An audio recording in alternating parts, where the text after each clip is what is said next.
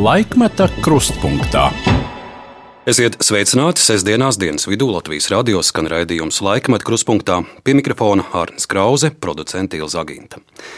Šodien uz sarunu esam aicinājuši mākslinieci, kuras vārds daudziem ārpus mūsu valsts robežas saistās ar Latviju, un tieši šeit, Latvijas radio mājā, 80. gadu izskaņā tapa viņas pirmie ieraksti ar meistro Raimonda Paula mūziku.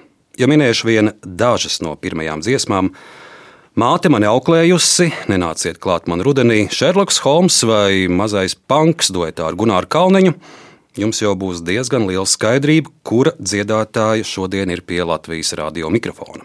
Es saku labdien, Laimai Vaikulai, Laima, sveicināti! Labdien, labdien! Un paldies, ka piekritāt sarunai! Nu, kā es tik skaisti puiši varēja neatnākt? Laima, šajā raidījumā mēs runājam uh, gan par to, ko mēs pieredzam šodien, gan atceramies senākos gados piedzīvoto. Domāju, ka daži mūsu atrastie arhīvu fragmenti būs sen neredzēti, nedzirdēti. Nekad nedzirdēti. Interesanti arī jums, piemēram, Latvijas radio fonotēkā atradu 88. gadā fiksētu ierakstu, kā jūs ar dzeguzītes dziedātājiem un nu pat pieminēto mazo gunāriņu rakstījāt petīciju, lai Daila Martinsona atļauj bērniem kopā ar jums doties koncertēt uz Tallinu. Vai toreiz šis lūgums tika apmierināts, tas, lai paliek intrigai raidījuma turpinājumā. Un tā kā man pētī, patīk pētīt arī eh, radorakstu, tad laima mm, jūs arī uzzināsiet, kāds sakars aktierim Andrim Keišam ir ar vienu no jūsu vecmāmiņām, Līksnes pagasta Vingru ciemā. Intriga ir? Ir, ir, jā, ir intriga. Pilnīgi mēs esam kaut kāda rāda, jeb, jeb... To mēs uzzināsim raidījuma gaitā.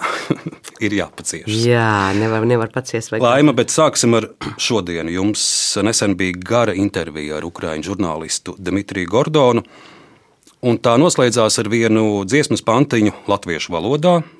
Tie bija vārdi Negribas, negribas vairāk nekā. negribas raudāt un smiet, vai Arī jums šis ir tāds laiks, ka negribas uh, nesmiet, neraudāt. Taisnība tā. Negribās nekā. Pat negribās nagus krāsot. Negribās, negribās ģērbties kaut kā skaisti. Nu, nu, ne skaisti, nu skaisti, ja man, man šis arī patīk džempers. Bet uh, negribās kaut kādas rotas lietas uh, lietot. Nu, šausmīgs laiks. Uh, no sākuma bija pandēmija, kas izraisīja man vieglu depresiju, un pēc tam sākās karš. Vēl labāk. Likās, ka tālāk jau nav kur krist, bet mēs nokritām vēl zemāk. Ceru, ka tā ir, tas ir pēdējais. Zemākais punkts. Zemākais punkts, jā.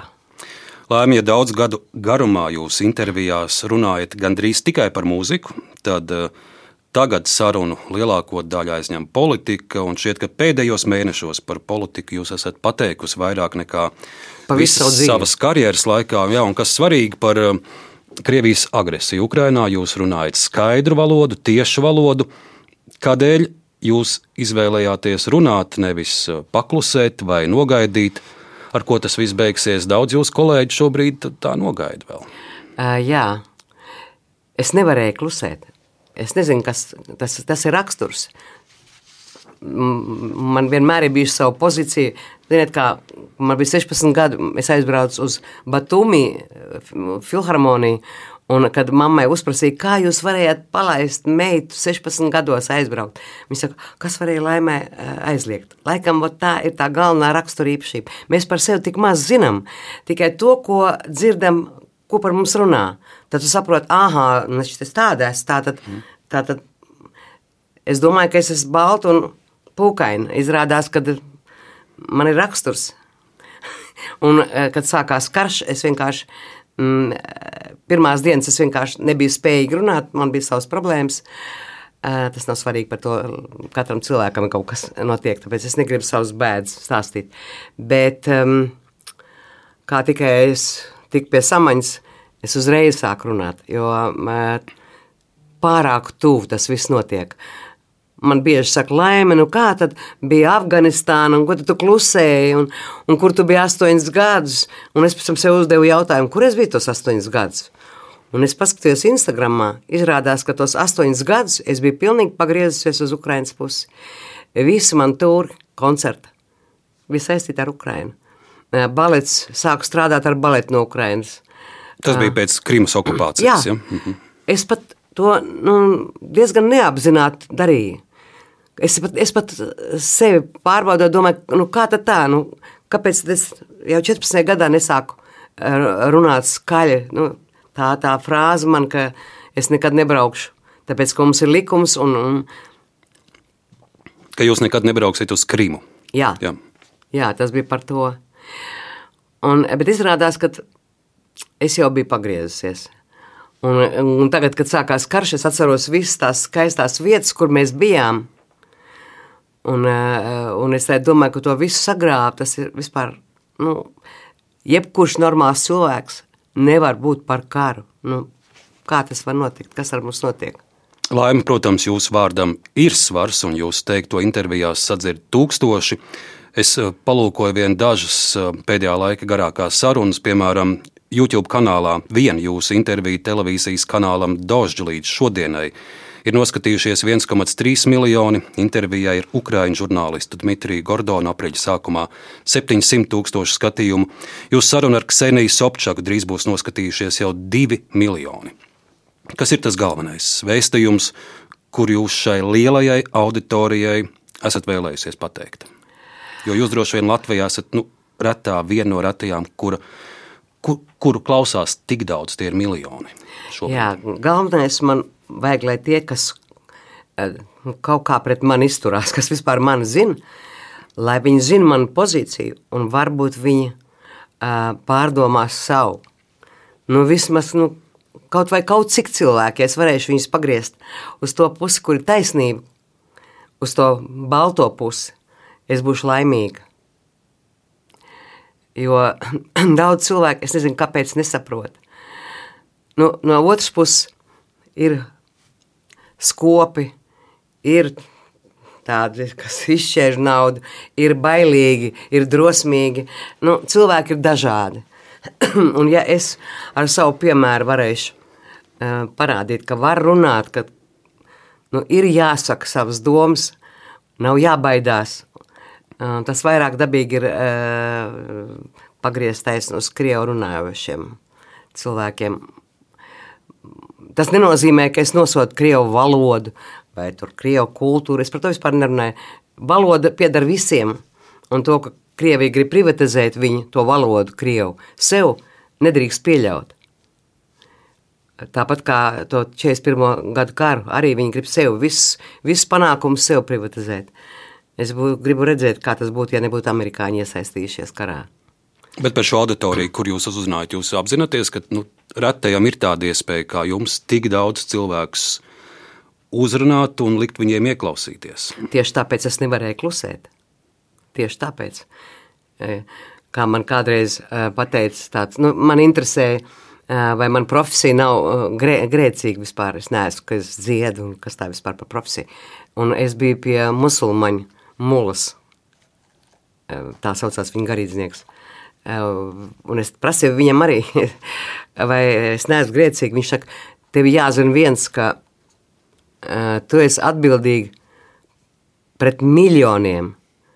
Tātad tev jādomā, kā tu apģērbies, kā tu uzvedies, ko tu saki. Un uh, tas, laikam, man arī tā visa saprašana, man varbūt es nepareizi to sapratu, bet es sapratu tā, ka man, es nedrīkst klusēt, tāpēc, ka vienkārši melnie spēki uh, brūk virsū mums visiem, visai pasaulē. Tā es to tagad jūtu. Laimē pēc katras jūsu intervijas, protams, momentā sako Krievijas propagandas kanālu un Jā. Arī vadošo propagandistu reakcija. Pirms nedēļas man šeit bija studijā arī intervija ar aktieru Ivaru Kalniņu, un es secinu, ka tie naida komentāri pret jums abiem ir diezgan līdzīgi. Jūs tiekat uh, zākāti par nodevējiem, tā galvenā Ai, doma ir. veceni. Galvenais viņiem, kā viņi to var pateikt. Ai, vecs veceni, Krievija visu tev deva. Kāda Krievija? Nu tā- Man deva Latvija, Raimons Pauls, viņa mūzika. Um, mans darbs te Latvijā no 12 gadiem. Ko viņi man deva?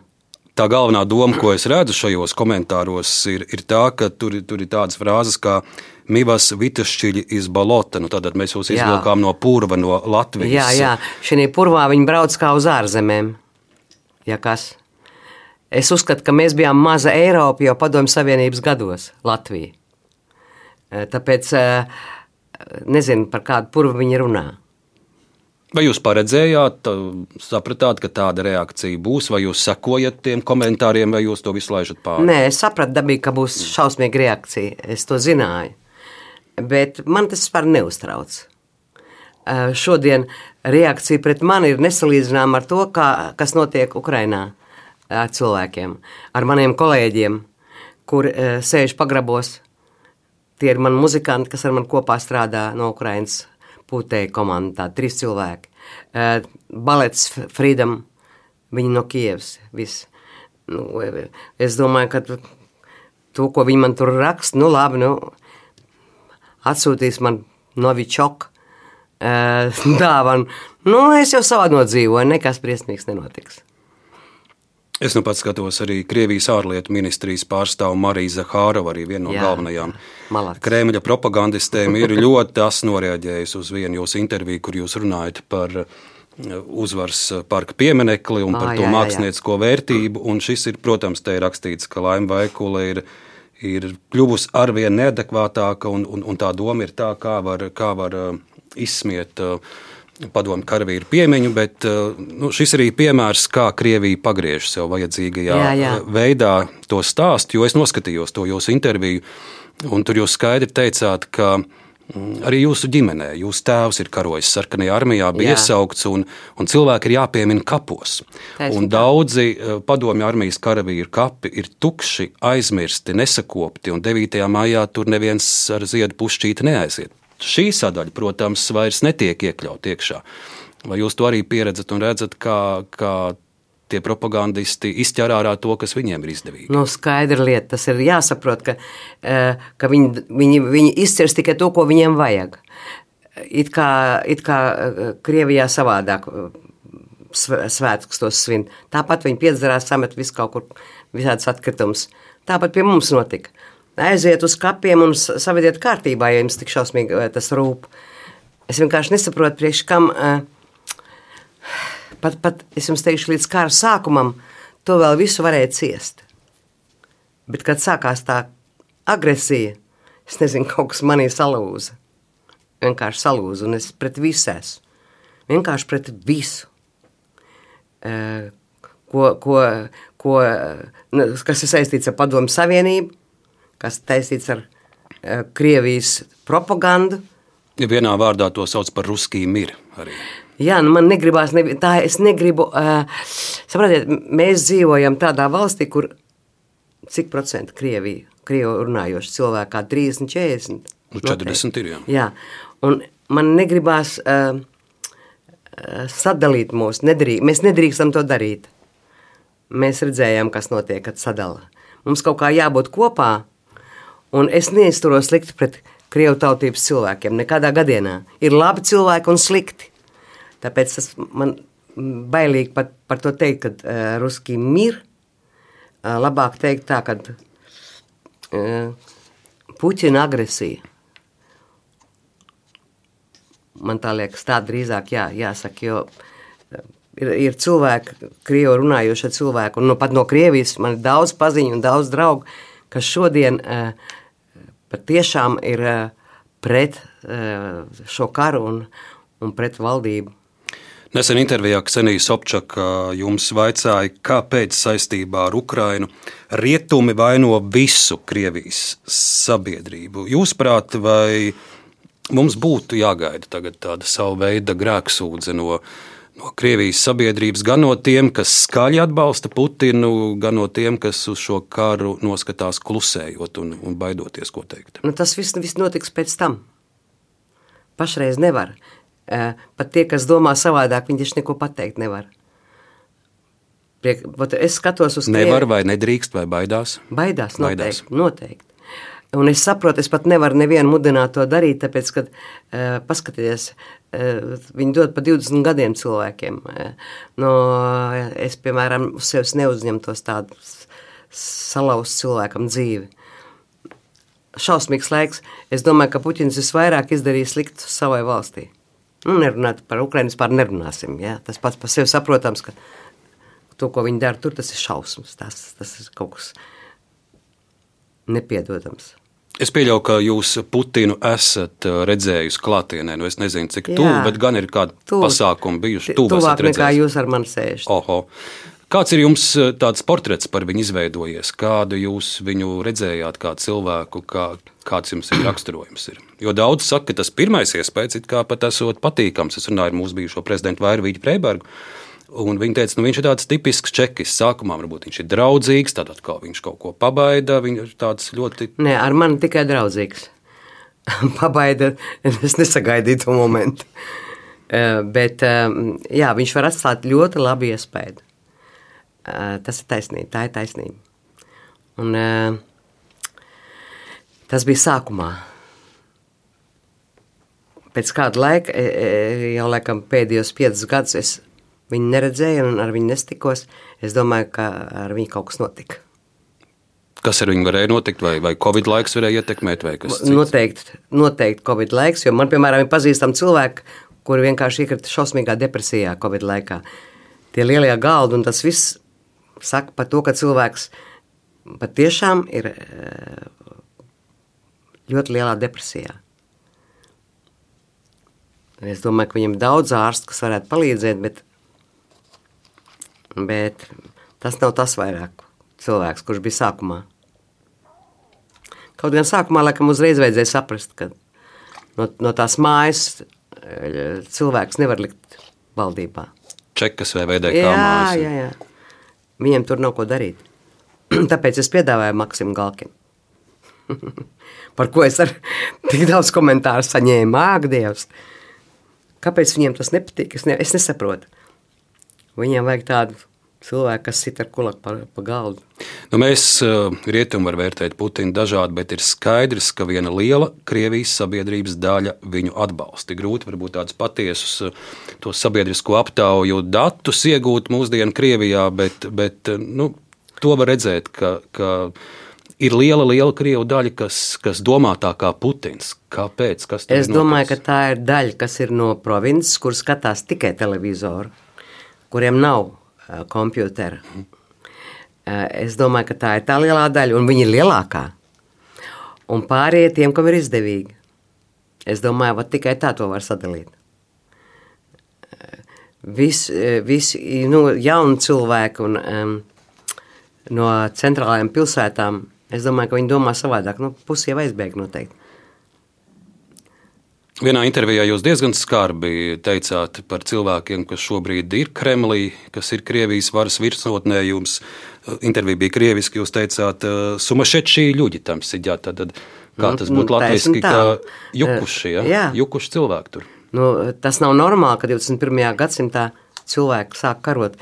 Zemi var nopirkt. Viņi varēja visu to Donbasu nopirkt, sarunāt uh, uz, uz sešiem cilvēkiem, sadalīt viņiem tas ozera kooperatīvs. Un brīnišķīgi viņi varēja sadalīt to visu un nopirkt, un miers, viņi būtu tur saimnieki un dar, ko grib. Ar ezeriem, ar upēm, ar visu ko. Tas tas kooperatīvs, kur visi tie bijušie čekisti un visi tie no Pēterburgas tur kopā. Nu, jā, bija. jā, jā. Es domāju, ka priekš kam vajadzēja karot, pažēloja naudu, skopi. Jūs pat esat teikusi, ka ir bijis uh, jūsu karjerā tāds periods, kad daļa Latvijas sabiedrības tās attieksme pret jums bija diezgan vēsa. Nu, daži jūs pat dēvēja arī par Krievijas dziedātāju, tikmēr pašā Krievijā jūs uzskatīja par ārzemnieci un, Jā. un par, par svešo, bet Tieši tā. nenoliedzami Padomju Savienības pastāvēšanas pēdējos gados uh, tapa viena daļa dziesmu, kas ir uh, jūsu zelta fonds. Kāda ir jūsu attieksme pret šo pagātnes periodu? Piemēram, Ivars Kalniņš, aktieris, kurš mēs pirms nedēļas intervijām, viņš teica, ka viņš šos PSRS gadus, ka viņš šo savu darbu Krievijā tagad grib izsvītrot no atmiņas un domāt tikai par šodienu un nākotni. Tie jūsu dzīvē ir svarīgi gadi bijuši. Nē, es tā, ne, es tā neizturos pret to. Pirmkārt, es, man nepatīk domāt, kas bija vakar. Vakar bija tas jau pagāja, vairāk neko nevar atgriezt, izmainīt. Mm, Tas bija pavisam cits laiks, bija cita attieksme. Ja Amerikā bija Ņujorka galvenā pilsēta, kur, kur eh, tu vari tapt par zvaigzni, ja? visi eh, angļu dziedātāji, beigli, visi, visi viņi, no, viņi ir ā- no Anglijas.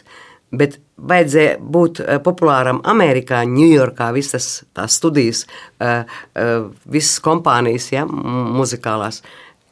Viss bija tur. Tāpat Padomju Savienībā bija Maskava. Un tu nevarēji savādāk kļūt populārs. Tu varēji savā vietā, jā, jā, nu, divi miljoni, mums bija viņa vairāk, ja, cilvēki. Es varēju būt populāra te, bet, bet ne tālāk. Ja Maskava man, ja man centrāla televīzija vienīgā ne, ne, nerādīs, tad es nekļūšu populāra. Un galvenais, ka es nemaz negribēju. Es nekad negribēju dziedāt. Es, man tas vispār neinteresēja. Varbūt ar to es bišķiņi atšķiros no, no pārējiem tiem populāriem cilvēkiem Krievijā. Ka man slingums iet uz televīziju, uz rādio, man negribas. Es gribēju vienmēr būt par ķirurgu. Un, un visi mani draugi ir ārsti. Tā iznāca. Un nedaudz cilvēku saistīti ar skatu. Pavisam nedaudz. Vairāk ārstu. Un tāpēc, laikam, man tā tas bija vienalga. Un neko sliktu es tur neredzu vairāk tajā, jo tajā laikā mēs normāli izturējāmies. Mēs, man, es atceros savu pirmo ierakstu tajā centrālajā televīzijā. kad- Dziesma mušmiris vai Mušmirs, jautrās jā. mušmiris? Jā, mušmirs. Uh, Mēs viņu vēl pēc brīža gribēja man redzēsim. pierunāt. Viņi, viņi vis visādi staigāja man apkārt, lai es nofilmējos. Uh, kad priekš jebkura dziedātāja Krievijā tas bija nu, padomu savienībā. Krievija tā nevar teikt. Ja Grūzija ir tāpat un Armēnija ir. Viņiem tas, tā uguntiņa uh, jaungada.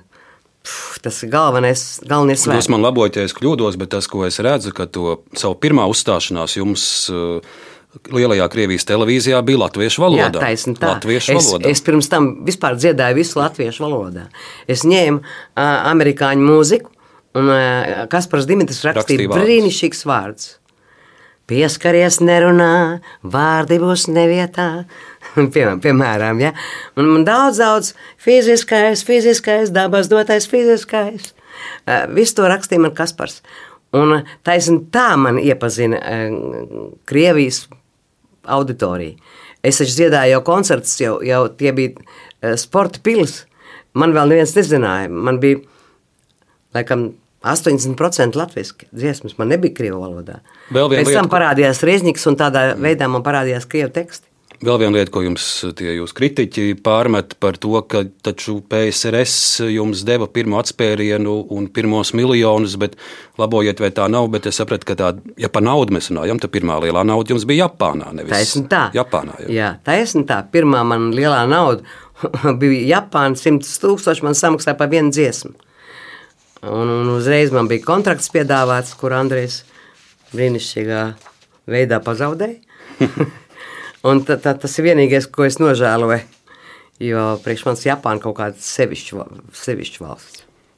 Laim vēl viens tās 2011. gadā Krievijas eh, vēstniecībā Rīgā no tagadējā Krievijas ārējās izlūkošanas dienesta vadītāja Sergeja Riškina, tolaik viņš bija parlamentu vadītājs Krievijā. Jūs un vēl virkni citu cilvēku šeit Latvijā saņēma Krievijas draudzības ordeni. Jūs bieži esat teikusi, ka mūzika un kultūra var vienot valstis, var vienot tautas. eh, Vai ar, vai ar Putinu Krieviju tagad tāda godīga draudzība vairs ir iespējama? vienīgais cilvēks, kurš, eh, kad bija tā, tā sanāksme Putina, kur viņš atcerieties, viņ, viņš prasīja, vai jūs esat par vai pret. Nariškins bija vienīgais, kurš pē, pē, Ā, pē, viņš pē. sāk Es raustīt domāju- valodu, pareizi, Jā, jā. es domāju, nu, ot, re, ka viņš man deva to ordeni, viņš vienīgais bija tāds, kas, kas nezināja, ko teikt. Es saku, nu, vismaz paldies Dievam, ka taisnu viņš man deva nekā cits. Citādi man būtu jāmet ārā tas ordens. Man viņš vēl ir mājās. Bet eh, es patiešām uzskatu, ka tik svarīgi ir, lai mēs būtu visi pasaules cilvēki. Lai nebūtu neviena krievs, grūzīns, amerikānis, bet lai mēs būtu tādi visi amerikāņi. Um, nu, es dabīgi esmu par to, lai mums būtu savs nacionālais. Um, man, piemēram, patīk, ka Grūzija tagad ir Grūzija, Latvija ir Latvija. Mēs aizbraucam uz Igauniju, Igauniju, Lietuvu savādāk, savādāk sēdienu, savādāk valodu. Brīnišķīgi, brīnišķīgi. Mums ir savi dziesmu svētki. Taisn tā, nu, mums viņi vienmēr bija, un, un tas ir labi, ka, ka viņi ir. Tas ir ļoti labi. Eh, Mums savs tautas tērps, un, un viņš eh, nav kaut kur ie, ielikts skapī tālu. Man tas viss ļoti patīk. Tāpēc, eh, lai viņi man pārmet, man pārmet par to, ko es, eh, starp citu, jūs sākāt par tiem 90. Es atceros, kā, atcerieties, bija tāds, eh, tāda pārēd zgļat, pirms trojkas laikā, un mums bija uh, laiks, kā viņi saucās. Uh, Labvakar mums labvakar, lab, nē, nē, nē, nē. No Šepkevits un... Labvakar, labvakar. Labvakar? Jā, labvakar. Maigi. Jūs par tur uzstājāties. Jā, jā, es tur uzstājos, un, un, viņi gribēja vis visādi man iekost. Un, um, ja es kaut ko daru, es zinu, ko es daru. Un es par to visu esmu atbildīga, un es nekad nedarīšu neko sliktu. Es varu izdarīt kaut kādu muļķību, dabīgi, kā jebkurš cilvēks, kurš mēs neesam grēcīgs. Bet es nekad nedarīšu neko sliktu. Tāpēc man ļoti viegli dot intervijas, un tam tai pašai labvakarai, tam Šepkevits, un vēl bija, vēl bija, vēl bija tur viens. Ojārs Rubens un Edvīns Inkēns vēl bija. Ojārs, jā, man liekas, ka bija Ojārs, pie manis. jā. Uh, man bija ļoti viegli, ļoti patīkami. Mēs uzreiz sadraudzējāmies no tiem laikiem. Uh, tā kā tikai uh, nedaudz žurnālisti bija tie, kas rakstīja, ka laime krievu dziedātāji, piemēram, Seržants bija tāds žurnālists, kurš teica, man liekas, ka Eiropas Savienībā sēž. Viņš saimā deputāts bija. À, bija, Bija, vairāk nav. vairs nav, ne. Nu, pareizi, pietiek. Tad es viņam uzrakstīju, ka seržants vairāk nekad nebūs ģenerālis. Tā kā eh, viņš tajā laikā gribēja uz, man, uz mana rēķina kļūt populārs. Vat viņš bija tas, kas man nosauca par eh, spiegu. eh, Krievijas, labi, vēl Krievijas vēl es saprotu. Bet viņš nosauca man par amerikāņu spiegu un par Izraels spiegu. Tad jūs dubult aģenti sanākat. Jā, Mata Harī. Vienkārši uh, viņš gribēja uz mana rēķina, tik tāpēc man interesanti, ka viņš deputāts vēl kļuva. Tā vēl trūka.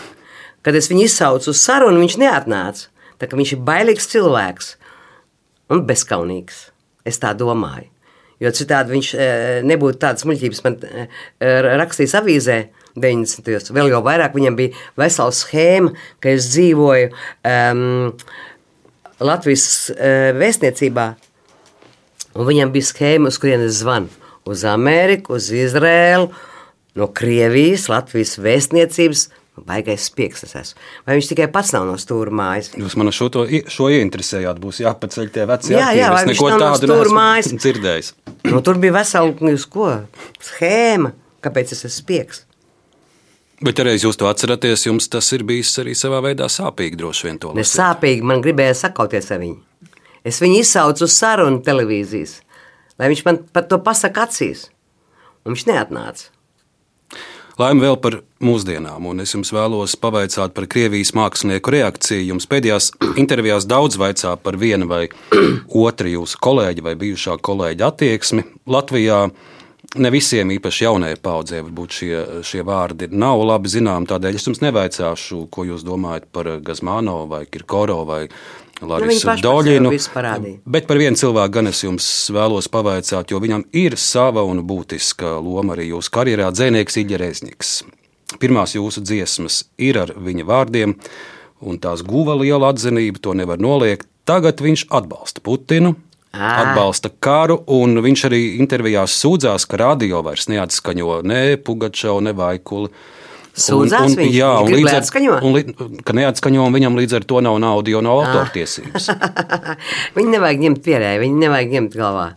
Eh, Viņš tāds ir. eh, Viņam vajag, viņam būtu redzēt, viņš, viņš pats sev pretrunā ir. Viņš pats it kā uh, ir par. Tajā pašā laikā viņš grib, lai tās dziesmas atskaņot, tāpēc, ka viņam vajag naudu. Tas ir, ot, jums atbild, tā ir atbilde. Viņam pie vienas vietas tas, tā, tā, tā, tā, tā, tas kremlis un vispārējais. Viņam vajag naudu, viņam vienmēr tas bija vajadzīgs. Un domāju, tā arī ir ar tiem pārējiem lielāko daļu, kas kāp domāju, ka jā. uz manēžas skatuves kopā ar Tāpēc Putinu. es jums saku, Ne, ir skopi cilvēki, ir bailīgi cilvēki, ir, no, ir cilvēki, kam nav līdzjūtības sajūtas. Viņi tādi ir. Ko mēs varam taisīt? Ko mēs no viņiem varam mm. gaidīt? Tas, tas tāpat kā ir Dobermans dusmīgs un uh, Golden Retriever, viņš vienmēr ir maigs sunīts. Nu, tāpat cilvēks sadalās. Nu. Varbūt vienkārši līdz, līdz karam mēs par to nedomājām. Bet tagad viņi visi parādīja sevi. Nu, ko var darīt? Nu? Pēc Ir- kara parunāsim, kādu, kas viņam bija, kāds iemesls bija. Ir tādi jūsu līdzinie kolēģi, ar kuriem jūs vairs negribētu kontaktēties un kuriem jūs negribat zvanīt, vai ir arī tādi, kuri, nu, tas viņus varētu apdraudēt, ja teiksim, jūsu saruna nonāk publiski. Es Jā, ar vairākiem arī cilvēkiem runāju šajā raidījumā, kuriem gadu gaitā ir draudzība ar, ar Krievijas kolēģiem, aktrisi Lilita Ozoliņa un Ivars Kalniņš un tā tālāk. Un, un viņi saka, ka ir daži tādi, kas vairs neņem zvanus. Un ir daži tādi, kas runā čukstus, jo, jo viņi baidās, ka viņas tur noklausīsies un tā tālāk. Jā, ir tādi cilvēki, kuriem es nezvanu tikai tāpēc, ka es baidos, ka mans zvans viņiem uh, Kaitēs. Kaut ko, jā, kaut ko sliktu. Uh, viņi nav daudz, bet viņi ir. Un, un es, es nevaru tā rīkoties. Un ir tie, kas, ar kuriem es sarunājos un, un ar kuriem es draudzējos, un viņi visiem zinām. Un ir tādi, kuriem jūs vairs negribat zvanīt? Jā, ir tādi. Nu, es viņiem pirms tam ne, nebiju zvanījis. es vispār nesevišķi draudzējos ar telefonu. Man Elīte palīdz.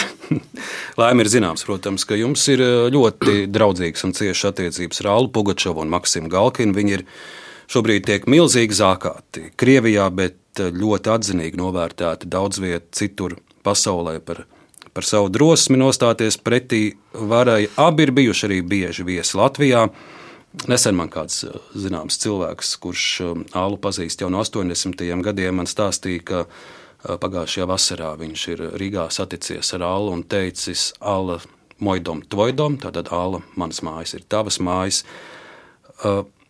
Vai viņi jūt šo atbalstu, vai Un kā tas ir pamest savas mājas, pamest savu dzimteni, tas, tas droši vien ir liels pārbaudījums. Es, es, es domāju, tā, ka cilvēks, kurš aizbrauc un visu to pameta, ne, ne bet aizbrauc demonstratīvi tas uzreiz viņam dod plusu. Tāpēc, kad e, ja tu iegūsti un aizbrauc, tas ir viens. Kad tu zaudē un vienalga brauc projām, tas nozīmē, ka cilvēks vat, viņš, viņš to darīja e, apzināti, un, un tas ir kaut kāds princips. Un man tas e, ļoti simpātiski ir. Ne visu var nopirkt. Nauda nav galvenais. Tā tikai liekas cilvēkam, ka pienāks pēdējā minūte, tā būs vispār pēdējā vieta, ko aizņems tavs smadzenes. Uzņēmējs Jūlijas Krūmiņš man nesen teica, ka Jūlijas, šai sakarā ka zārkam jau nav kabatu. Nu, tā ir tā, viņš malacis pareizi saka. Alpa Pugačova un Maksims Galkins, es minēju, bieži viesi Latvijā, un, un arī pagājušajā vasarā Maksims Galkins bija, un mēs redzējām, cik liela ir publikas atsaucība. Ne Rīgā, vai, vai Daugopilī, vai, vai, vai Liepājā, bet, piemēram, Rojas estrādē. Viņš bija, un tā bija ļaužu pilna, un, un, un sākot no maestro, kuru viņš tur parodēja, līdz daudziem citiem, es dzirdēju ļoti atzinīgus vārdus, un, un, un tādā veidā varbūt cilvēki arī atbalstot viņu, atbalstot viņu nostāju, viņus abus eh, devās uz koncertiem un, un gaida arī šovasar, vai viņiem, nezināt, ir plāns arī Latvijā apmeklēt? Ir, ir, jā, ir plāns. Eh, es biju viņu koncertā, es domāju, ka daudziem... Izrēlā, jā? Nē, nē, Latvijā. Ah, tur, Izrēlā viņi bija pie manis, ah. jo man bija koncerti Izrēlā. Latvijā, Jūrmans Zintera koncerta zālē, Es domāju, ka daudziem krievu valodas eh, runājošiem cilvēkiem bija kauns par to, ka Galkins runāja 20 minūtes latviešu. Man tas bija šoks to skatoties. Kā Jā. viņš to var iemācīties? Kā? Ma, vienkārši malacis. Vienkārši malacis. Pat bez tādas lielas uh, akcentu viņš varēja runāt. Viņš parādīja Jā. to, ka tiem, kas baidās sākt runāt latviešu, baidās sākt mācīties latviešu, ka to var, to var izdarīt. Nebaidieties. jo daudz ir nu, šausmīgs komplekss. Man tā liekas, ka tā pirmā kļūda mūsu e, pirms trojkas laika, nu, 90. bija, ka mēs tomēr mm, atstūmām to krievu tautības cilvēkus, stipri atstūmām, neintegrējām. Pat 30 gadiem es šodien domāju, ka nebūtu neviena, kas nerunā latviešu, ja būtu pareizi to politiku izveidojuši.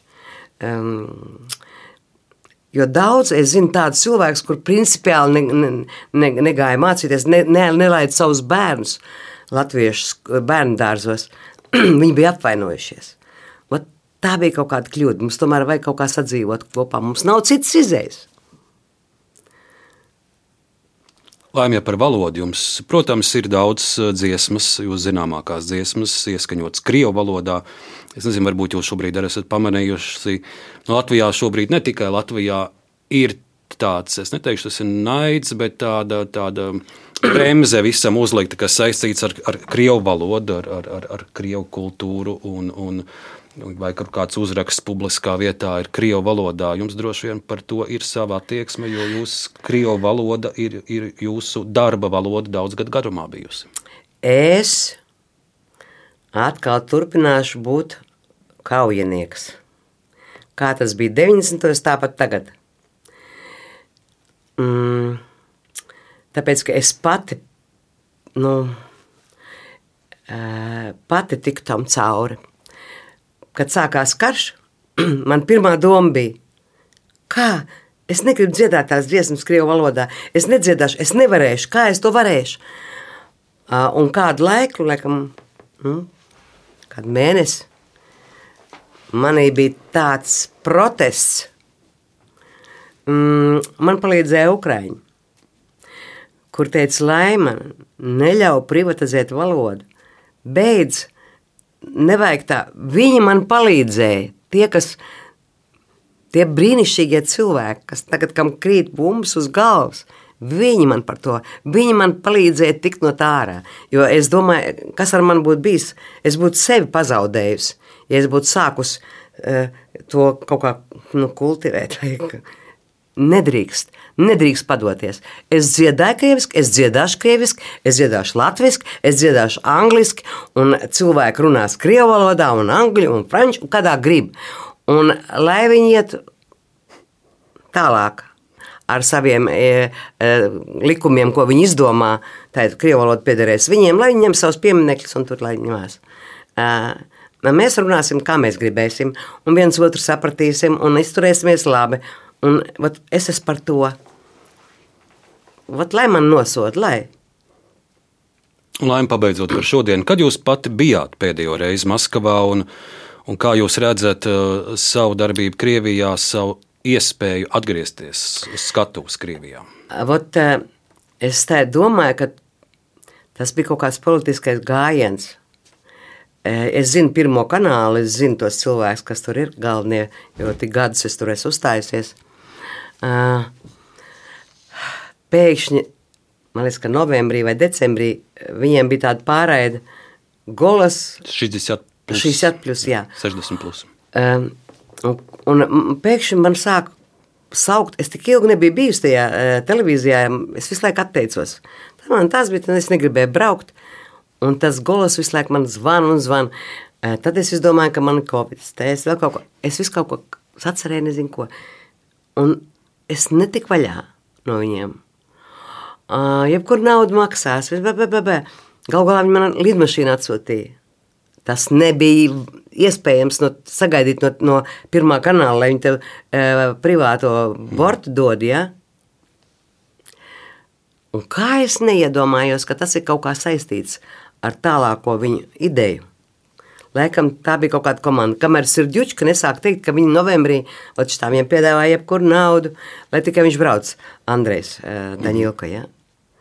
Un tad es domāju, ah, ļoti interesanti. Laikam, Kāda viņiem varēja būt tā doma, ko viņi ar to gribēja? Es nezinu, bet, bet izskatās tā, it kā viņi bija domājuši, ka viņi paņems to Kijevu divās dienās, un redz, kā ar mums visi kopā ir, un, un no Latvijas, no Eiropas Savienības, un no Ukrainas Daņilka, mm. Vat tā tas izskatījās pēc tam. Uh, vat, es nezinu, mēs nekad neuzzināsim, vai tas tā bija. Bet uh, tā tas izskatījās. Un, un taisnība man uh, Andrejs uz to uzved uz tām sliedēm, Daņilka. Jo es divreiz lidoju ar privāto lidmašīnu. Uh, tikai tāpēc, lai aizbrauktu tur žūrijā pasēdēt. Pirmais kanāls vienmēr tik, tik ļoti ne, nebija devīgs. Kam ir jānotiek, lai jūs atkal būtu Maskavā, lai jūs uzstātos uz skatuves Krievijā? Nu, man jau smējās, patiešām. Uh, ir uh, jābeidz karam pats par sevi. ja tā ideāli ir jābūt cilvēkam, prezidentam Krievijas tam, kas šodien ir pret šo karu. Ne tam, kas pēc tam kaut kur tur izlīdīs, bet tas, kas šodien ir pret karu, kurš sapratīs un mācīs pateikt cilvēkiem, ka viņiem vajag uh, nu, nezinu, savu, savu vainu atzīt. Lai cilvēki vispār dzirdētu to cilvēku, lai klausītos tajā prezidentā, viņiem ir jābūt, lai Ukraina noticētu. Tam ir jābūt cilvēkam, kas šodien. Tāpēc es piedāvāju Galkinu.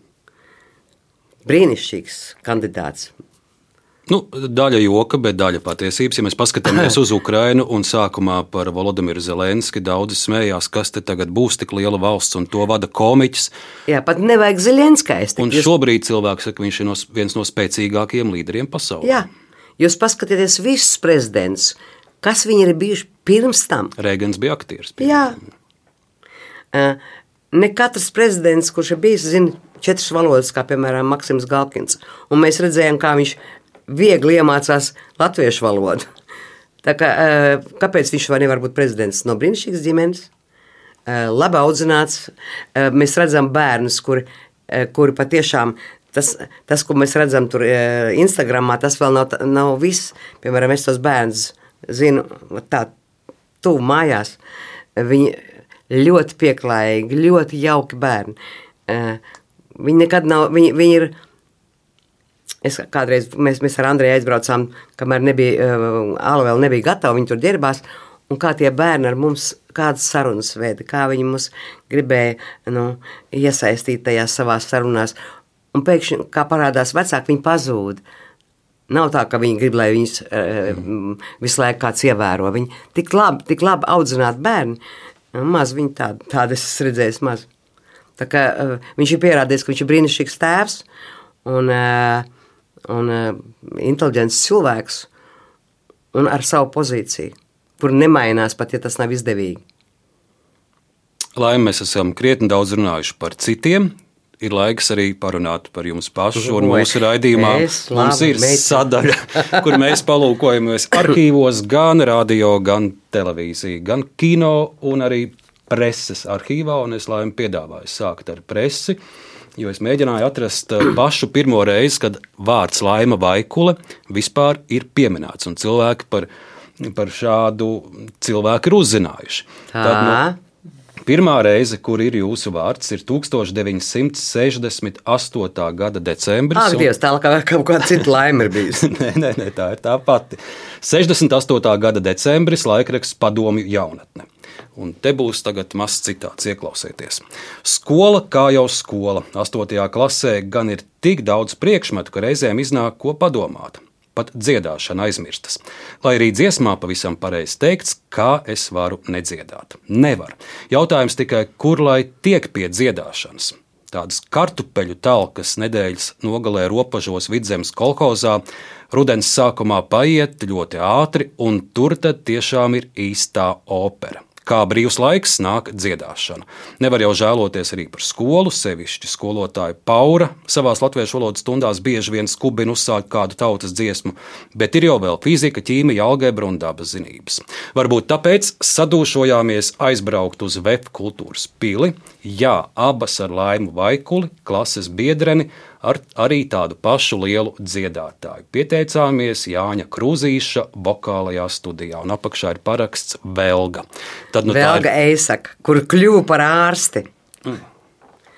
Un dēļ viņas es aizbrā, aizgāju uz VF kultūras namu un uh, iepazinos ar maestro Zahodņiku, kurš strādāja Raimonda Paulu. Leonīds Zahodņiks. Leonīds Zahodņiks, kurš man borēja galvā bez gala, laikam savus 5-6 gadus.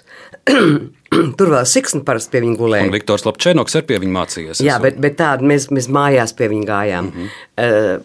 uh, parasti es tur redzēju, siksni parasti tur gulēja, vēl, vēl viņš, tas bija mīļākais skolnieks, un es. Un viņš man visu laiku stāstīja, ka tu būsi labākā dziedātāja Latvijā. Es vispār netaisīju dziedāt. Nu, nenopietni. Es domāju, tas tāds hobijs būs. Nē, viņš man iestāstīja, ka man ir jādzied. Laikam es domāju, tas ir pirmais cilvēks, un visu laiku viņš man gribēja paz, iepaz, iep, iep, iepazīstināt ar Raimonu Paulu. divas reizes viņš saved mūs kopā. Un katru reizi nesanāca, tāpēc, ka es biju pārāk maza. Jūs pieminat Raimonu Paulu, tad nu, šeit ir stāsts no 1970. gada. Laikraksts komunisma rīts, tas iznāca tukumā.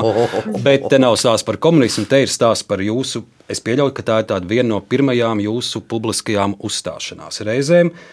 Notiek Vefkultūras pilsētas estrādes ansambļa koncerti Tukumā, Durbes parkā un Kandavā Ozolājos, Ozolāju estrādē. Un uh, dziesmas izpilda arī Rīgas pilsētas padomju estrādes dziesmu un izpildītāju konkursa diplomante Laima Vaikule. Un Jā, jūsu, es saņēmu 4. vietu 12 gados. Un jūsu Pirmā dziesma ir Raimonda Paula dziesma. Es, eh, šeit viņa izpildīs Nora Bumbiera, jo, protams, tajā laikā vēl jūsu ieraksta netop. Bet vai jūs atminēsiet šo dziesmu? Es tikai tā, lai ieskanās, uzlikšu mazu fragment, jo, ja var ticēt presē, tad tā ir tāda pirmā Raimonda Paula dziesma lielākā koncertā, kur jūs dziedat. Paklausieties, bet Noras Bumbieras izpildījumā.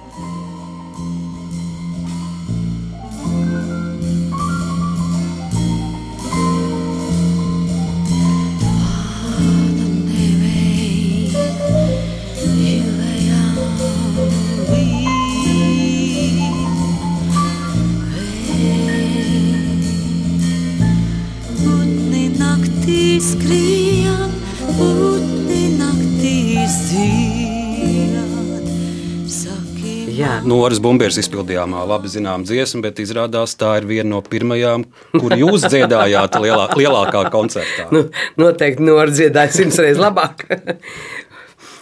bet es vēl dziedāju, atceros ar radio orķestru, bija kaut kāda koncerta. Man vienmēr bija kaut kāds sēkliņas kabatā, saldējumi divi, un man sauc par mazo un viss smējās vienmēr par mani. Un uh, es vēl koķetēju ar muzikantiem, man bija 12 gadi, tad man likās, ka visi mani iemīlējušies. Un kad, un, kad braucām no koncerta, viņi visi ar to ansambli, ar meitenēm tur koķetēja. Un, un, un nevairāk, neviens man nemīlēja vairāk. Es, viņi smējās par mani, es domāju, ka viņiem es baigi patīku. Tā kā tās manas atmiņas un dziedāju uz tādu dziesmu. Unsere Straße gehe auf und nieder. Nezinu, kāpēc vāciski. Um, modeļa nams man bija sasējis kaut kāda tāda uz galvas. Sa, uh, jā, kaut kāda lente. Es biju šausmīgi modīgi izgāju skatu un nezināju, kā iet projām, uz kurien jāiet. Jo gaisma acīs, un, un tu vairāk neko neredzi. Ot, tie man pir, tās pirmās galvenās atmiņas tā Unzreša strāse un, un tā lente te iesiet un neredz, uz kurien iet. No, tas ir tāds mans pārējās tās dziesmas, laikam jau gāja pēc tam. Lai mēs gribam pieminēt vēl vienu publikāciju, tas būs laikraksts Jūrmala, 1980. gads, un šī raksta autors ir Aivars Baumans. Raksta nosaukums Pērles, krāsas un skaņas, un tas būs par, par jūsu varietē programmu Jūrmalā. Viens citāts. Kopiespaidu var izteikt pavisam īsi, temps un dinamika, ko vēl pastiprina eksotiski krāšņie tērpi. Tā patiešām ir īsta varietē, izrāde, temperamentīgs šovs, kurā grūti un diezina vai vajadzīgs izdalīt atsevišķus priekšnesumus vai solistus. Un tomēr vokālistu vidū atmiņa fiksējusi stopkadru, laimas vai kulas dziesmas. Laikam jau tādēļ, ka viņas sniegumā jūtama sava nianse, individualitātes, izpausmes bet ar dziesmu Tu man pazudi rītausmā, Laima Vaikula varētu droši stāties arī daudz plašākas auditorijas priekšā. Pareizi viss uzrakstīja. Pazaudēja tik daudz gadus. No tā bija padomu savienība. Ja tu nebija Maskavā, tevi neviens nezināja par šo laiku jūrmalā, jūras pērlē, kas ir tas skaistais un kas ir tas, varbūt, ko jūs negribat atcerēties? Vai tur viss nu, bija skaisti? Man nekas, nekāda noslēpuma nav. Seši gadi bez miega. es braucu uz darbu. Astoņos vakarā, ja man pirmā programma, es biju šausmīgi bagāta. Man bija 900 rubļi alga. Es strādāju trijās programmās e, - Jūrmalā, Jūras pērlē un e, Jūras pērlē augšā. Pēc tam vēl bija um, Kāburga. Ceturtā. Un vēl pēc tam es dziedāju, kā mēs teicām, dejās, ja, kur mēs vēl saņēmām naudu, kur pasūtīja mums uh, publika. maksāja. Uh, katru pirmdienu mēs gājām uz pirti, mēs galu galā viņu nodedzinājām pirtā saros. Uh, nu, ne jau mēs, vienkārši mums patika braukt pirmdienās vakarā uz pirtu, un tur pa daudz samet malks, un, un cilvēki nebija, kas to regulēja, un tur sākās šausmīgs ugunsgrēks. Un... Bet laim, es tajā laikā vēl biju tādā vecumā, ka mani neviens iekšā droši vien nelaist varietē, bet man, man ir interesējis, kas bija tā publika, kura gāja vai varēja atļauties tur iet. Nu, droši vien tie bija nezinu, rūpnīcas strādnieki, arī bija. Kas, Nē, nē, nē, kas tie bija par nebija cilvēkiem? nekā. Nē, parasti cilvēki varbūt varēja tur tikt kādā darba dienā, ja viņi laicīgi nopirka tās biļetes. Es nezinu, kā viņi tur vispār varēja tikt. Galvenokārt tur bija vai nu mm, populāri, nu, sevišķi ne, visu gadu. Bija populārs, piemēram, es tur redzēju ar kādī Raikina. Mm -hmm. Viņš arī ļoti pozitīvi šai pašā laikrakstā Jūrmāla ir izteicies par jums un, un programmu, ko viņš ir redzējis. jā. Jā, nu, tur bija galvenokārt aktieri, uh, slaveni. Tad biznesmeņi nebija, bet bija tie, kā viņus sauc, Spekulanti. Spek, nu, spekulanti. Jā. Tie tur bija. Nu, tā viņas toreiz sauc. un, un valdība, laikam, valdības kaut kāda tuvu valdībai vīri. Čekas vīri.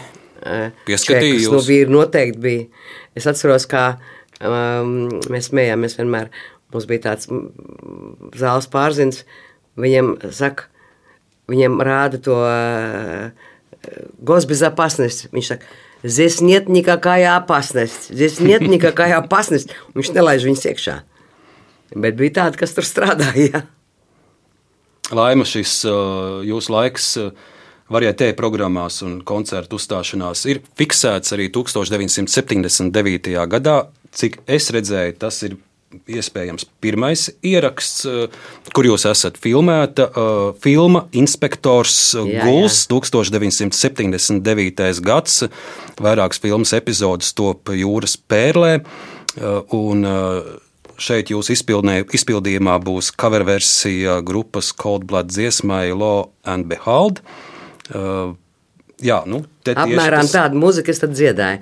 Vienkārši viņi redzēja man pērlē, man stā, es atceros to laiku. Nu, šī filma Latvijā nav rādīta, jo, cik es redzu, viņa ir uzņemta no no Maskavas uh, televīzija. Viņa ir uzņēmusi, viņa ir krievu valodā, tā kā Ah. viņa šajos laikos vairs nav rādīta. Bet, lai, lai mēs atmenām Ļoti 79. smieklīgi, gadā, ļoti smieklīgi. šī ir pirmā reize, kad jūs tiekat filmēti. Paskatīsimies.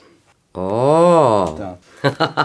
es viņiem prasīju, kāpēc jūs man tā tik, tik slikti mm, nofilmējat? Viņš saka, laimes speciāli, tāpēc, ka mums bija jāparāda uh, rietumi. Un tie rietumi tie ir tādi kā vampīri. Un, un tāpēc tur tāda sēja. Un, tā kā, Man galīgi neizliekās slikti.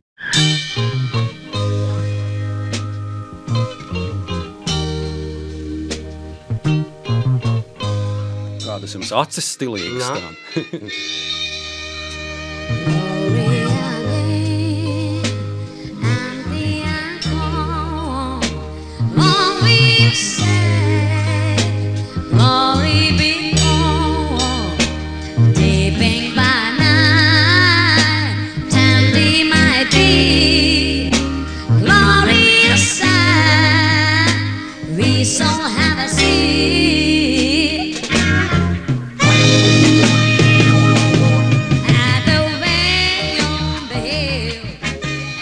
Tā pirmā Jā, jā. filmēšanas kino pieredze, tās ir vien pārdesmit sekundes, bet nu, tā, tā ir tā pirmā reize, kad jūs esat kamerā priekšā. un Jā. Jūs ieraugat. Bet es, pēc, kad es sāku dziedāt, es tā iemīlēju savu profesiju, ka man pilnīgi vienalga bija, vai viņi filmē, vai viņi. Ja man, ja, ja man piemēram, ir darbs, eh, mans sevišķi mēģinājums, man nekad no turienes nevarēja atraut. Nekādas filmēšanas, nekādas. Uh, tur, es, es, es, es, nesaprotu, it kā es speciāli strādāju pret to, lai es būtu populāra. Un te arī es dziedāju un dziedāju, ko viņi man piesējās. Es, uh, es pat redzu sevi. Lieku reizes, reizes neuzsmaidīju. Nākamais ieraksts, kuru laimes jums un uh, klausītājiem, skatītājiem grib parādīt, ir 1981. gada beigas. Jūsu pirmais ieraksts Latvijas televīzijā - raidījums Gadu mijas melodijas. Un šeit mēs dzirdēsim vienu pārrakstītu Maikla Džeksona dziesmu. Es nezinu, kā to laik bija ar autortiesībām. Diez vai jūs rakstījāt Maiklam Džeksonam un prasījāt atļauju? Noteikti, Diez ka nē, noteikti, ka nē. Mēs uzrakstījām noteikti Raimons Pauls. Un... Un šeit ā, vārda autors ir ā, Kaspars Dimitrs, Dimiters, jā. un ieraksts ir veikts Jūras pērlē. Un arī viesnīcas Latvijas bārā melodija ar mazu fragment no Latvijas televīzijas gadu mīs melodijām. 81. Nu, tā ir gads. atbilde tam, vai es sāku dziedāt krieviski vai latviski. Laima, skaists vārds, vai ne? Un pati laima arī. Ne tikai dziedās, bet arī Pat nesen ieraudzīju šo ierakstu. Es pat brīnos, kā kaut ko tādu ļāva rādīt Latvijas televīzijā, jo, nu, teiksim, kā ir diezgan tādas kailas Jā. jūs tur esat. Nu, tā, Mušpīrs jau var priekš pirmā kanāla bija. Tev plecu it kā akmens leju vēru. Nami slēpjas savā ēnā, pelēks pitons mūsu gadu simta ēvs. Un melnā stundā dzirdi lūgums tās, dziļā ēnā. Tā kā mēs šeit redzam tādas bierītās programmas, jā, jūs Jā, spēlē. jā. Tas bija tā kā, it kā šodien. Jā. Tāpēc, kad eh, tas nebija tāds tā kā varietē ar spālām galvās. Tas,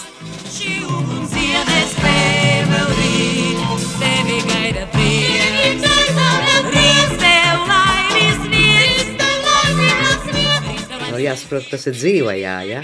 Tas ir dzīve. Tā, bez pārakstiem, bez, bez tā, lai varētu salabot kaut ko. Mums no tiem laikiem šie tērpi vēl ir saglabājušies. Es pat, pat nesen ieraudzīju, domāju, nu, kurienes man tāds tēvs bija? Jā, jāatcerās, ka neko, nekā, neko jau nevarēja nopirkt. Tas bija laiks, kad neko tu nevarēji nopirkt. Tie visi kurpes, visi zābaciņi, viss tas ir pas, uz, uz pasūtījumu. Nezinu, kādu krāsu, lai dabūtu zeltu, lai dabūtu sarkanu, lai dabūtu... Oh! Andrejs ar Robčiku dziedu.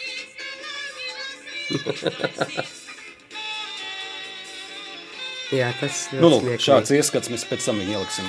Tas ļoti smieklīgi viss ir. Tik naivi, zini. Jūs sakat, naivi, nezinu, man būs interesanti dzirdēt, kā jūs raksturosiet savu nākamo priekšnesumu. Uh, Tas tad arī būs jūsu pirmais uh, izpildījums uz, uz lielās skatuves, uz Maskavas skatuves centrālajā televīzijā. Es saprotu, ka programma 84. gadā top Latvijas televīzijā režisors Svetlana Rudzīte, dziesma Jautrās mušmiras. Un uh, centrālā televīzija to paņem arī raidījumam Zilā Guntiņa, kas bija ļoti populāra. Viņi to nofilmēja Maskavā.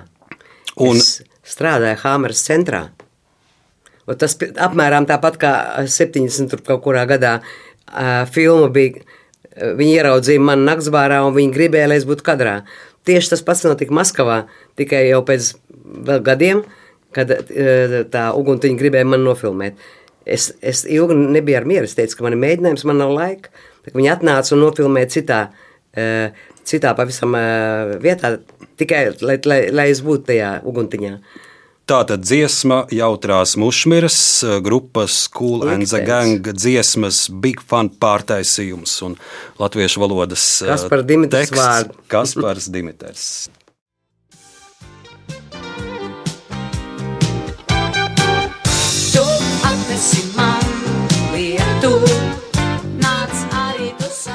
Te ir tā laime vaikula, ko mēs pazīstam tālāk.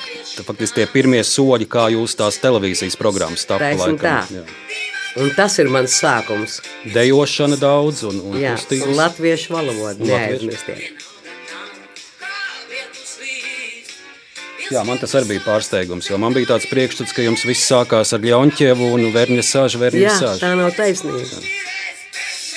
Man bija sešas dziesmas ar, ar, ar, ar Raimondu un, un Rezņiku.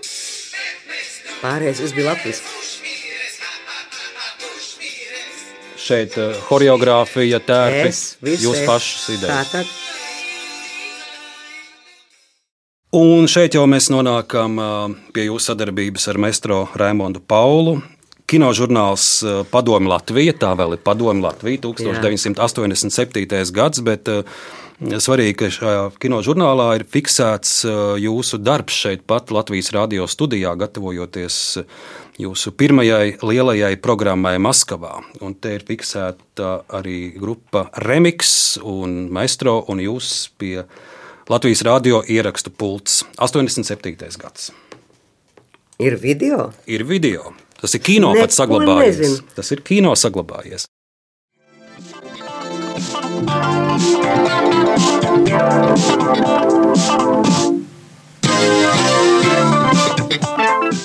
Недавно этих ребят увидела вся страна. Nesen šos jauniešus iepazinusi visa valsts. Pazīstams Kinožurnāls sekts. Krievu valodā. Jā, lūdzu. Un iepazinuši arī Laimu Vaiku. Es nemaz nezināju par tādu. Un par viņu krustāvu var saukt Raimondu Pāvelu.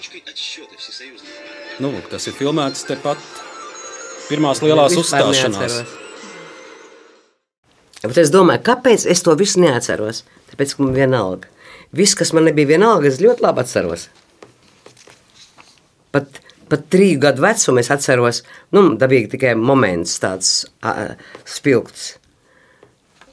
Bet šito es visu neatceros. Nesvarīgi. Tad man interesēs, vai jūs atcerēsieties vienu notikumu no 1996. gada. Ja mēs pie video esam, es gribu parādīt vienu video no Latvijas televīzijas panorāmas arhīva, eh, kur es atradu, un tas nebūs saistīts ar, ar, ar mūziku. Tas diezgan lielā mērā sasauksies ar to laiku, kurā mēs dzīvojam šodien, un par to politiku, visu, par kuru mēs runājām šodien. Vienmēr sakot, šeit ir stāsts par to, ka Sanktpēterburgas pilsētas vēlēšana komisijas pārstāvis paziņojis, ka latviešu dziedātāja Laima Vaikule pārkāpusi vēlēšanu likumu, tāpēc prokuratūrā iesniegti materiāli par dziedātājas saukšanu pie atbildības. Jā. Laima Vaikule neatļauti aģitējusi par mēra kandidātu Anatoliju Sobčaku, piedaloties koncertā Jaunieši par demokrātiju.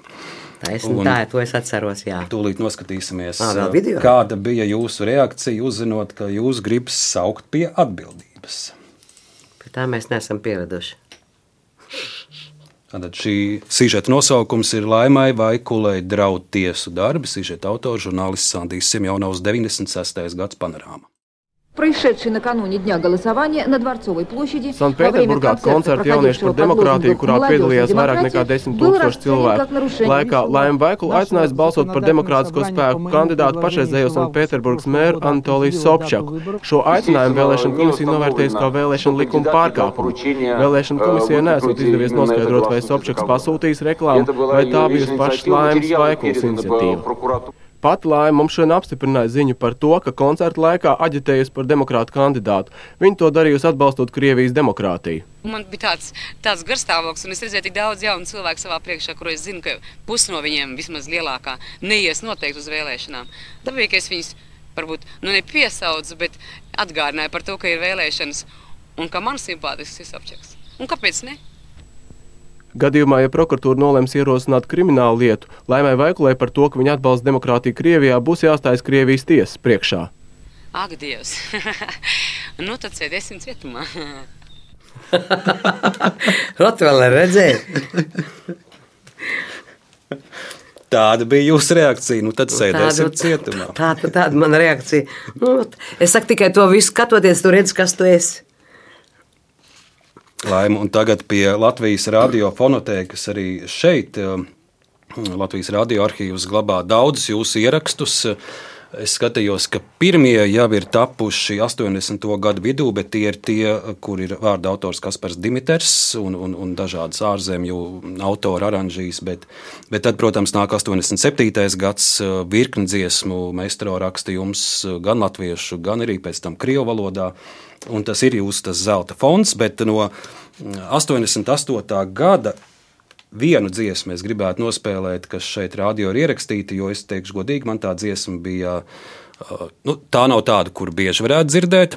Uh, Vai jums ir prātā tas dzies, dziesmas nosaukumā ir viena putna vārds? Vai jūs zināt, kas tā pa dziesma? Tie putni pilsētā redzami daudz, un tie, tie nav baloži. Dzēnis kaut, kaut Nē. man bija kaut kas. Tā ir dziesma vārna. Es tādu Ā, nekad vārna, nebiju vārna, dzirdējis. vārna. Un es viņu izvēlējos tādēļ, ka dziesmas teksta autors ir dzinieks Imants Ziedonis. Imantam Ziedonim šī ir 90. jubilejas gads. O, lai, jā. lai, lai no šiem, šī, un šī ir viena no pirmajām kompozīcijām, kur Laimē Veikula ir tapusi šeit, pat Latvijas radio studijā, tad, lai ieskanās dziesma Vārna 88. gada ieraksts.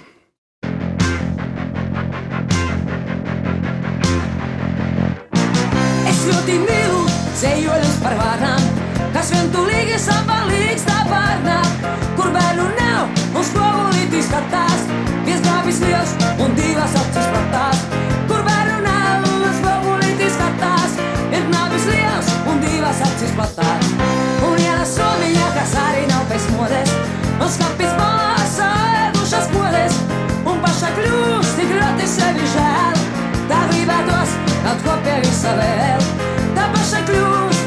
sevi žēl.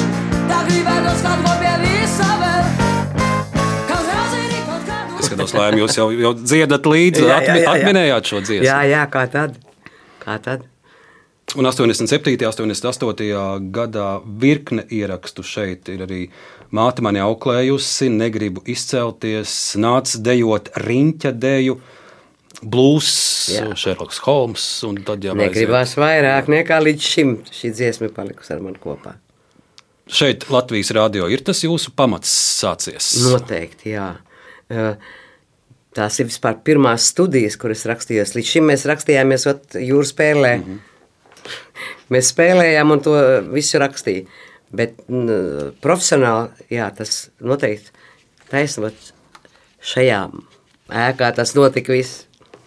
Laima, cik es izskatīju visu Latvijas radiofonotēku, neviena intervija no tā laika nav saglabājusies, bet eh, es pat teikšu, mistiskā kārtā ir saglabājies viens ieraksts, 1988. gads. Un tur var dzirdēt, kā ar bērniem no ansambļa Dzeguzīte jūs funkcionējat, kā jūs visi kopā varētu nokļūt, varētu nokļūt Tallinā uz koncertu, jo Dzeguzītes vadītāja Dēla Martinsona ir stingri savās pozīcijās un, un Dzeguzītu uz Tallinu nelaiž. Paklausīsimies 1988. gada februāris. Telefonu noklausījās. Nu, to mēs vairs nezināsim. Esi laimīga. Agresīt, esi laimīga, laima. Paldies! Kam tas ir? Vajag.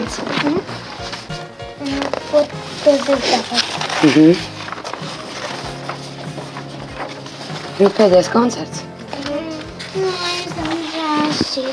Man arī šāds nav žēl. Braucam, kā lai skolotāji pierunā. Nu, Rakstam petīciju, mēs petīcijām šausmīgi baidās. Mēs viņam vienmēr rakstam, ka viņi kaut ko neļauj, rakstam petīciju. Mēs jau rakstām. Nu, ejam rakstīt petīciju. Ejam, tikai no papīra. Man vajag steidzīgi dabūt kaut ko papīru. Kā rakstam? Lūdzu, ļaujat. Nē, nē. Nu, ja pareizi. Lūdzu. Lūdzam. Lūdzam. Nē, lūdzu. Uz ceļiem jums lūdzam. Uz ceļiem. Lūdzam. Atļaut.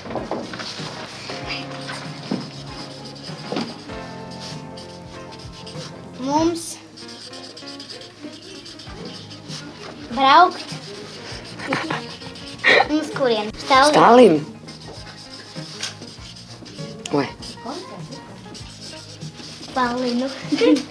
Tagad viss parakstīt. Tagad, tagad mēs vispār laima laiku. Pabrīd. Tagad lēkā dacis. Tāpat tu dacis netiks līdzi skolotājs. Teicu, ka tev pēdējā reize. Tā ieva. Tālāk. Gunārs nav vajag. Man divas krustiņas uzliekam. Man atdās rāmīti. Jūs pasniedziet laikam. Jūs, jūs, jūs. Viņi tūlīt nāks mūsu meklēt. Nē, nenāk. Ejam mēs paši. Nē, Ta, tad ir, te ir jāpasaka, petīcija neko nedeva. Un arī laimas uh, paraksts apakšā neko nedeva. Jūs nelaidat, Zagozīt nelaid jums līdzi. Tāpēc, ka vecāki nelaida. Vecāki nevarēja braukt. Tādā veidā es atceros, tagad, kāpēc tas viss notika. Eh, Viņi bija pārāk maziņi, tie bērni. Visi. Vajadzēja, lai vecāki brauc līdzi, un kaut kas tur bija. Vai nepieņēma, vai autobusu nebija, vai vēl kaut kas. Vēl viens uh, mazs fragments. Uh, Viena jūsu intervija no 88. gada ir jūsu intervija Raits Kalniņš, Latvijas radio žurnālists, tolaik par, par jūsu pirmo lielo koncertu Maskavā un kā, kā, kā jūs tam gatavojaties. Laimīgi, cik vispār dziesmu ir nodziedāts pa šo laiku, kopš pirmās reizes, kad mēs tikāmies uz Rasijas skatuves. Vai, 20 jaunas Raimonda Paula dziesmas. Un kā jūs viņus pirmo reizi iepazīstat? Notīs vai mēstrā spēlējums? Spēlē maestro un notis un e, ieraksts dod mums informāciju ir visādos veidos. No pirmās reizes visas dziesmas kļūst mīļas. Jā, tā man e, laikam veids, ka Rēmans man dod tāds labs dziesmas. Kur ir jaunāk, tā ir tuvāk. Ja ir kāda doma dziļāka, jeb e, ir kāds pagrieziens tāds negaidīts, tas vienmēr ļoti interesanti. Nav noteikts tēmas. Jūs esat pašlaik laimīgāk nekā pirms gada šeit? Nē, laikam tā nevar teikt. Pirms gada man bija daudz problēmu, bet tagad ir vēl vairāk. Kādas tas ir? tas ir vesels vakars, lai uzskaitītu, kas mums te notika, kamēr mēs to visu, to koncertu gatavojām, kas te bija ar gaismām, ar skaņām, ar kostīmiem, problēmas, ar, ar visu. Nu. Vienkārši atrisinājums koncertu, kurš numurs pēc kā un ļoti grūti gāja. Es dzirdēju, ka jūs nosvīdus, esat rausies un par visiem gandrīz vai domājus. Ja? Tas ļoti grūti, bet izrādās tā, ka tas visvairāk vajadzīgs man. Tāpēc visvairāk ciest nākas arī man. Paldies Raimondam, paldies Dzegūzēniem. Viņi man šausmīgi te palīdz. Tas ir mans pirmais solo koncerts, un es nezinu, kā es bez viņiem būtu. Tas aizsmakus, nabaks. Man bija. No šo fragment es izvēlējos, te var redzēt, ka tas ceļš, tas ceļa sākums, viņš nebūtu nebija tik viegls un tur rožu lapiņām kaisīts. Nu, kā tad? Nu, kā tad?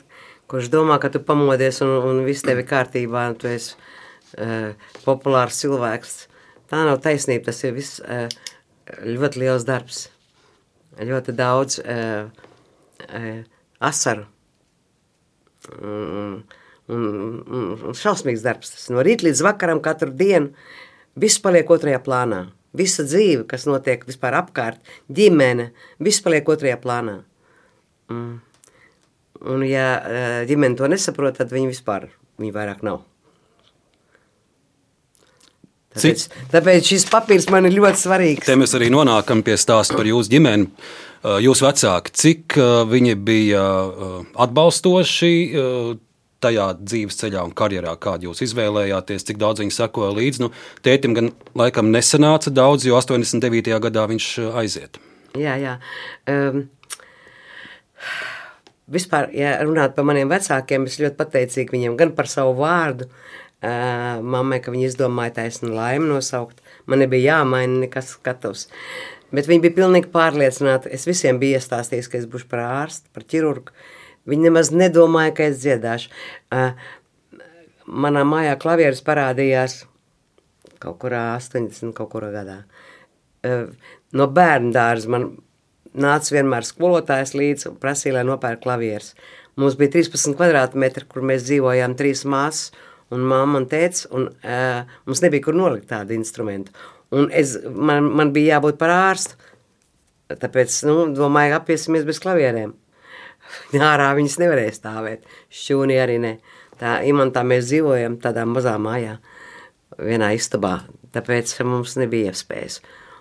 Un pēc tam, kad es sāku dziedāt, es vienmēr prasīju savai māmiņai, mamma, kā tev mans koncerts tur kā viņa, viņa saka, ne, tas nebija slikti. Mm -hmm. Viņa nekad neteica, ka, vai brīnišķīgi, vai cik tu malaci, nekad. es tādas vārdas nebiju dzirdējis. Uh, tētim bija vienalga. Uh, viņš, viņam bija vienalga. Viņš vienmēr teica, dari kā tu zini. Tu pat par to esi atbildīgi. Tava dzīve, tava izvēle. Tāpēc man bija diezgan liela brīvība. Nu, vēl raksturs klāt, un tāpēc es darīju, ko es gribēju. Un tāpēc ir daudz kļūdu. Bija labāk, es būtu, būtu bijis par ķirurgu. Noteikti būtu bijis par plastisko būtu daudz naudas pelnījis un būtu daudz skaists cilvēku uh, izveidojis. Laimes, es diezgan daudz jūsu intervijas uh, noklausījies un izlasījis uh, par uh, saviem senčiem. Jūs runājat diezgan maz. Ļoti minimāli, bet varbūt arī tādēļ, ka es redzu, ka neko daudz arī jums nav prasījuši teiksim, par jūsu saknēm. Un, jūs labojiet mani, bet tas, ko es redzu, mm, atrodot datus par, par, par jūsu vecākiem un tālākiem senčiem, nu, es teikšu, jūs esat vistīrākā latgaliete. Jā, Vistīrākā latgaliete. Noteikti, noteikti es zinu. Man mamma stāsta vienmēr prēļi, kalupe. Jā, to es zinu. Es vienkārši tur neesmu bijusi. Bet, uh, mana vecākā māsa, tā man stāsta, viņa saka, es braucu uz kapiem, uz to pusi, ja? un viņa saka, un es mēģinu runāt. Un viņai saka, beidz, meita beidz bojāt la, la, latgaliešu valodu, runā kā nākās. Ja nerunā vispār, viņa vienmēr izlamā. Viņa tā cenšas latgaliski. Dabīgi es neko nezinu no tās latgaliešu valodas.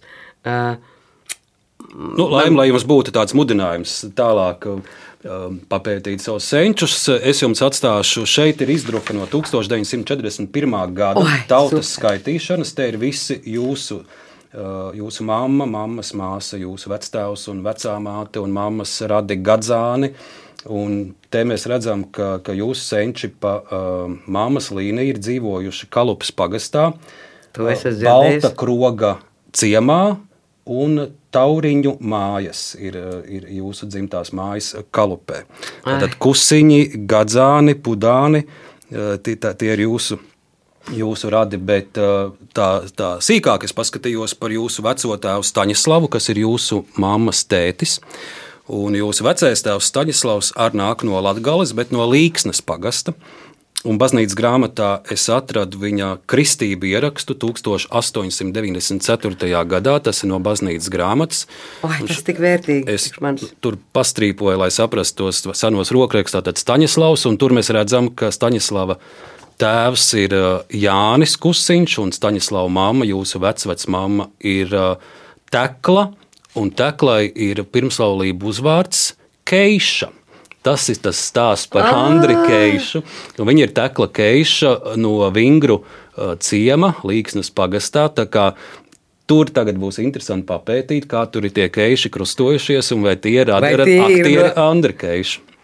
Oh. Bet īsi sakot, jūsu senči, tās baznīcas grāmatas ir saglabājušies kādreiz, kad, kad būs laiks, tur var papētīt, uh, un jūs varat atrast savas piektās, sestās pakāpes vecās mātes un vecos tēvus. Pavisam Kā es to noteikti. varu atrast?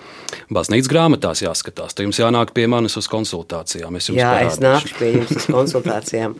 Paņemsim pudeli viskiju. Un ne to vien atradīsim, ko tie, Jā, ko tie senči- keišu uzzināsim. ko tie senči ir darījuši. Laima, bet uh, ja mēs pie šī pozitīvā paliekam, um, kāds jums ir skats uz šo gadu? Es saprotu, ka jūs ar vienu gribat tikties ar saviem klausītājiem, Es gribu, skatītājiem, jā, un jūs viņus aicināt uz tikšanos. Es gribu to festivālu randevu tomēr laist gaisā. Pārāk liela auditorija to var redzēt. Nu, Mēs tagad, eh, mums YouTube ir savs kanāls. Mm, Es tagad mēģinu viņu tādu atdzīvināt, tāpēc ka tur bija tikai mūzika. Un eh, eh, šogad būs ļoti daudz ukrāņu dabīgi izpildītāju. Viņi katru gadu, starp citu, bija. Mm. Vienkārši nebija tāda akcenta. Nu, eh, Nasta Kamenski, nu, tā ir brīnišķīga dziedātāja, kura šodien Spāņu tirgu ir super ieņēmusi savu vietu. No, no, no krievu izpildītājiem būs tikai mm, Makarieviča Andrēs, ko es, ar ko es man labas attiecības, es pat dziedu vie- vienu viņa dziesmu. Tā ir grupa Mašīna Vremiņa. Mašīna Vremena. Mašīna jā. Vremena. Vienkārši tie cilvēki, kam ir savu pozīciju jau sen, un, un ar kuriem man patīkami ir sati- satikties, un mēs vienādi domājam. Un, uh, es ļoti gribu, lai būtu mm, Slipakovs, uh, uh, lai viņš būtu, lai viņam gan koncerts, bet es ceru, ka viņš būs, un viņš man jau deva savu atbildi, ka viņš būs. Viņš arī cilvēks, kurš nevar parādīties Krievijā, jo viņš vienmēr dziedāja taisnu par visām tām neveiksmēm, kas tur notika. Ā, Viņš ir super arī. Un laikam no Krievijas arī tas ir viss, kas būs. Nu, ne no Krievijas, viņi jau nedzīvo vairāk Krievijā sen. Lai mēs eh, jau jūtu, ka dažs labs klausoties šo sarunu, tagad prasa, nu kas te tagad būs jūrmalā, dzintaros, krievu valoda, krievu valodā dziedās. Divi dziedātāji varēs kaut kā izturēt. Eh, Ja, ja Maksims Galkins atnāks un parunās krieviski un, un puslatviski, nu, gan jau kaut kā mēs izturēsim. Nevajag atstumt valodu, nu nevajag, nevajag. Es, es saprotu visu, nu, es pats vis, visam tam cauri iz, iz, izgājusi, tāpēc uh, vienkārši vajag mierīgi, ir labi cilvēki un slikti, nevajag aizmirst bībeli, nevajag aizmirst, nu, nevajag. Tagad jau uh, Puķina fizionomija uh, ir uh, tajās svētbildēs.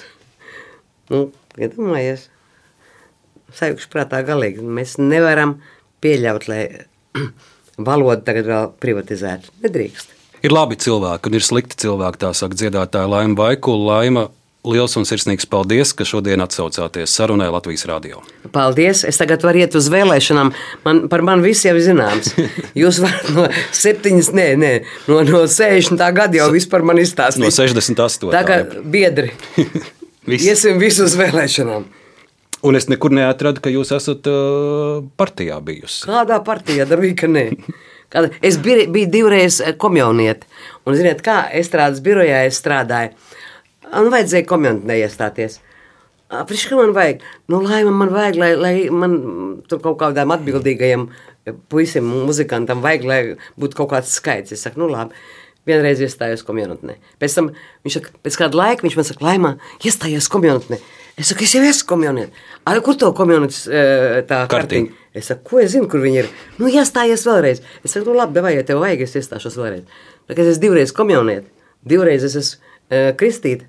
Un, uh, un vienreiz es biju par oktobrā, man šausmīgi patīk tā nozīmīt. Un tas mazais Valoģa. Valoģa, jā, ah, ah, vēl viens valoģa, ak, Dievs mīļais. Tāds pats slepkava. Uh, tā kā viss tas ir bijis mūsu dzīvē, un nekur no tā nevar likties. Laim, liels paldies, Paldies. un uz tikšanos jūrmalā šovasar. Jā, randevu es jūs gaidu. Laim Vaikulu, paldies. Pie Latvijas radio mikrofona bija Arnēs Krause, producents Ilza Aginta, par skaņu gādāja Reinis Budze un paldies Latvijas Nacionālajam arhīvam. Turpiniet klausīties Latvijas radio.